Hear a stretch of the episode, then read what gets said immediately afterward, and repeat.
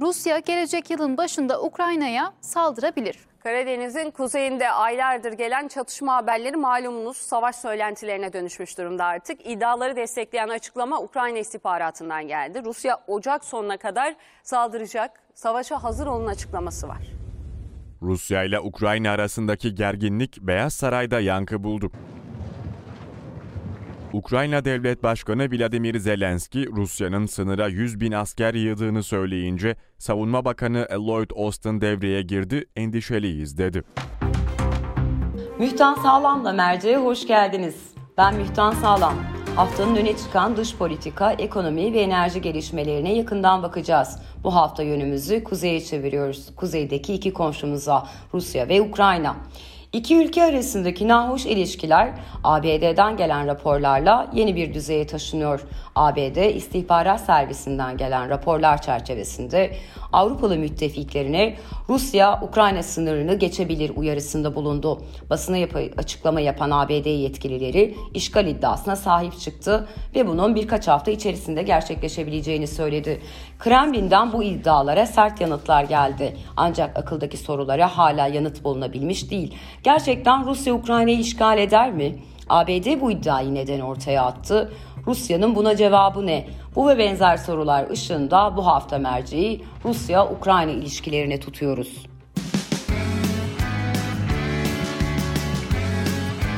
Oku, dinle, izle. Kısa Dalga. Bu hafta sonu ve pazartesi günü New York Times, BBC, Bloomberg, Financial Times, The Economist gibi uluslararası pek çok yayın Rusya'nın Ukrayna sınırına askeri yığınak yaptığına dönük bilgileri haberleştirdi. Bu yayınların neredeyse tamamı ABD ve NATO'dan gelen istihbarat raporlarını temel aldı. Raporların hareketlilik iddiası doğru. Rusya güvenlik endişesiyle Ukrayna sınırında bazen tatbikat yapıyor, bazen de askeri yığınak. Sınıra yakın bölgelerin uydudan çekilmiş görüntülerinde tanklar görülüyor. Sayı bazen artıyor. Geçtiğimiz ay buradaki asker sayısı 100 binin üzerine çıktığında gelen eleştiriler karşısında Moskova buradaki kuvvet sayısını azaltarak tansiyonu indirmeye çalışmıştı. Rusya Ukrayna'yı işgal edecek iddialarının gittikçe yankı bulması üzerine Kremlin daha fazla sessiz kalamadı ve açıklama Kremlin sözcüsü Dimitri Peşkov'dan geldi. Peşkov işgal iddialarını histeri olarak gördüklerini söyledi. Ancak asıl açıklama Vladimir Putin'den geldi. Vladimir Putin 18 Kasım'daki Dışişleri Bakanlığı Kurulu'nun genişletilmiş toplantısında Ukrayna konusunda şunları ifade etti. Batılı ortaklarımız Kiev'e modern ölümcül silahlar sağlayarak Karadeniz'de ve sınırlarımıza yakın bölgelerde kışkırtıcı askeri tatbikatlar yaparak durumu daha da kötüleştiriyor. Karadeniz'le ilgili olarak çok ciddi silahlar taşıyan stratejik bombardıman uçakları devlet sınırımızdan sadece 20 kilometre uzaklıkta uçuyor dedi. Putin konuşmasında Minsk Anlaşması'nın uygulanmadığını, Normandiya dörtlüsü ki Almanya, Fransa, Rusya ve Ukrayna'dan oluşuyordu, özellikle Avrupa kanadının yani Almanya, Fransa'nın durumu önemsemediğini de hatırlattı. Aslında Putin'in Karadeniz'de durumu işaret etmesi sürpriz değildi. Peki ama neden? Putin'in son konuşmasında ve pek çok konuşmasında konu edilmiş olduğu Karadeniz'deki gerilimi aslında tırmandıran iki önemli gelişme 2021 yılında yaşandı. Bu nedenle 2021 yılında Karadeniz'de suların ısındığı sık sık hem ulusal hem de uluslararası basında yer alıyor. İki önemli gelişmeden ilki 23 Haziran'da İngiltere ve Rusya arasında adeta savaş çanlarının çalmasına neden olan bir sınır ihlaliydi. İkincisi daha büyük katılımlı NATO'nun deniz meltemi tatbikatı. İlkinden başlayalım. Takvim 23 Haziran İngiltere Kraliyet Donanması'na ait HMS Defender isimli bir gemi Rusya'nın 2014'te ilhak ettiği Kırım'ın karasularına girdi. İngiltere izni Ukrayna'dan aldığını iddia ediyordu.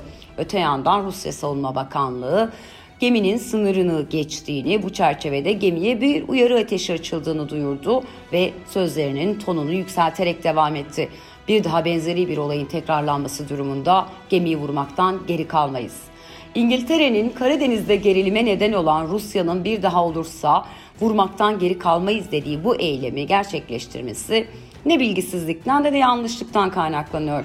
Yani İngiltere'nin koordinatları gösteren, sınırları gösteren sistemi aslında gayet iyi çalışıyor. Ancak burada iki tane önemli mesaj taşınıyordu. Bunun için de sınırın ihlal edilmesi gerekti. Mesajlardan ilki Rusya'nın ciddiyetini tartmaktı. Evet Rusya 2014 yılında Kırım'ı işgal etmişti. Ancak sınıra dönük tepkisi de dolu durumu ele alış şekli de tam olarak bilinmiyordu. Sınır geçirince Rusya'nın çok ciddi olduğu görüldü. İkincisi aslında İngiltere sınırı geçerek ve izni Ukrayna'dan aldığını söyleyerek Rusya'ya fiili olarak Kırım ilhakını tanımıyorum dedi. Tam da bu nedenle Rusya açısından gerçekleştirilecek NATO tatbikatı teyakkuzda izlendi. Aslında NATO 1997'den bu yana Karadeniz'de deniz meltemi, meltemi adıyla tanınan tatbikatlar yapılıyor. Bu yılda benzer bir biçimde bu tatbikat gerçekleştirildi. NATO dışından tatbikata 14 devlet katıldı. Rusya açısından dikkat çanlarının çalmasına neden olansa tatbikatın ev sahipleriydi. ABD ve Ukrayna tatbikatta 32 donanma gemisi, 40 uçak ve 18 özel operasyon ve dalgıç ekibi yer aldı. Bu ekipler 18 senaryo altında savaş, arama ve kurtarma sahnelerini canlandırdı. Tam da bu noktada Rusya Dışişleri Bakanlığı'ndan tatbikatın hacmine dönük bir açıklama geldi. Tatbikatın boyutu ve açık saldırganlığının hiçbir şekilde Karadeniz'deki güvenlik gereksinimleriyle örtüşmediği, asıl amacın Ukrayna'ya silah ve askeri teşhisat sokmak olduğu iddia edildi. Putin'in 18 Kasım'da gönderme yaptığı sınırımıza 20 kilometre yakında bombalar patlıyor dediği tatbikatta aslında buydu. Dahası burada Rusya'nın NATO'ya ve Ukrayna'ya ilişkin yaklaşımı da ortaya çıktı. Karadeniz'deki bu adımların kendisine dönük özellikle 2014'te ilhak ettiği Kırım'a yönelik mesajlar içerdiğini biliyordu. Tam da bu hassas nokta uyarınca tatbikattan iki hafta sonra Montreux Sözleşmesi'nin uygulanması konusunda Türkiye'yi uyardı. Bölgedeki askeri hareketlilik konusunda Türkiye'ye gelişmeleri yakından izliyoruz dedi. Temel kaygısı ne peki Rusya'nın? Burada ne oluyor? Neden böyle açıklamalar yapılıyor? Rusya'nın aslında tarihsel olarak dinamikleri incelendiğinde Karadeniz'deki hareketlilikte Ukrayna ile ABD ve AB arasındaki yakınlaşmadan da kaygısının çevrelenme olduğunu söylemek gerekiyor. Çevrelenmeden kasıtsa Ukrayna ve Gürcistan'ın olası bir şekilde NATO'ya üye olarak kabul edilmesi. Bu Rusya için yeni bir konu değil. Aslında Putin'le de başlamadı. Rusya Federasyonu'nun kendi tarihiyle de. Putin defalarca konuşmalarında, söyleşilerinde Gorbaçov ile NATO arasında aslında varılan bir örtük anlaşmadan bahseder. Ukrayna ve Gürcistan'ın hiçbir şekilde NATO üyeliğine kabul edilmemesi. Rusya bunun kırmızı çizgisi olduğunu, dış politikası ve ulusal güvenliği açısından hayati olduğunu partnerlerine defalarca hatırlattı. Bununla beraber Ukrayna ve Gürcistan NATO üyeliğinde hala ısrarcı. Nitekim Rusya bu konuda ne kadar ciddi olduğunu aslında Kırım'ın ilhakından çok önce 2008'de Gürcistan'ı işgal ederek göstermişti. Rusya burada kalıcı olmadı. Girdi ve çıktı. Ancak vermesi gereken mesajı da verdiğini düşünüyordu. Buna karşı Ukrayna ile 2013'te başlayıp 2014'de uzanan savaş bu hassasiyetin yeni bir göstergesi oldu. Rusya savaş süreci boyunca Karadeniz jeopolitiği ve kendisini güvenliği için hayati bulduğu Kırım'ı ilhak etti, sınırlarına kattı. Bu hiç hafife alınacak bir adım değildi ancak Rusya için önemliydi. Hatırlanacağı gibi Rusya'nın ya da SSCB'nin Karadeniz'de donandırma bulundurması neredeyse geleneksel bir politika. Nitekim Kırım Rusya sınırlarına katılana kadar da bu durum Sivastopol limanının kiralanması üzerinden sağlanıyordu. Söz konusu anlaşmalar daha çok Ukrayna'ya enerji arzı ve indirimini içeren 10 yıllık sözleşmelerle sağlanıyordu. 2014'ten sonra bu durum değişti.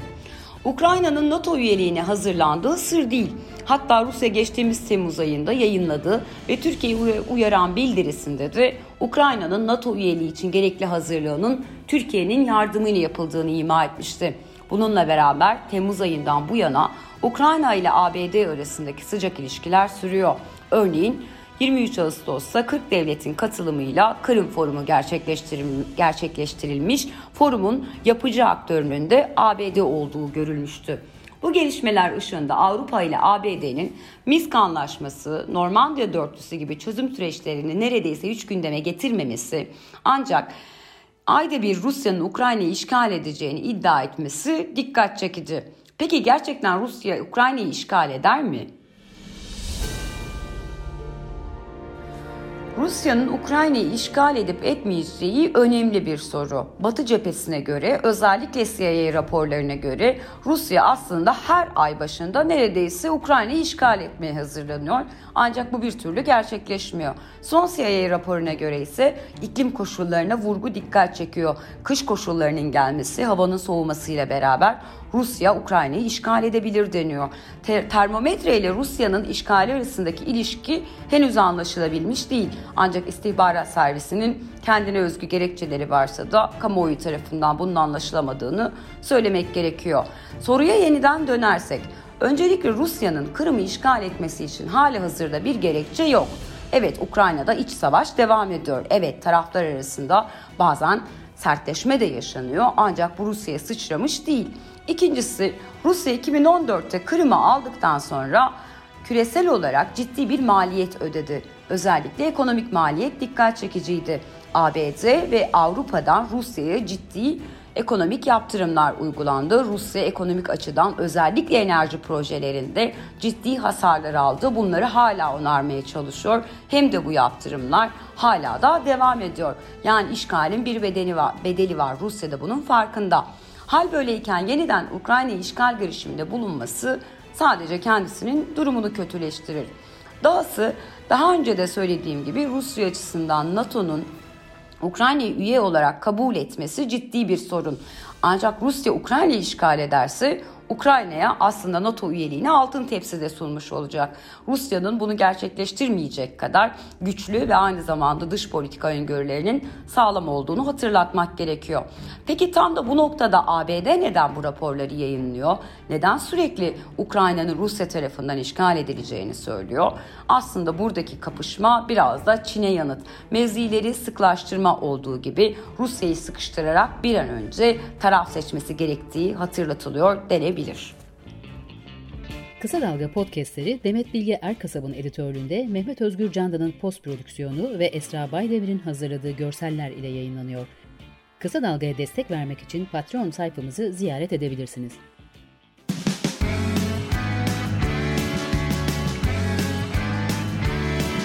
Kulağınız bizde olsun. Kısa Dalga Podcast.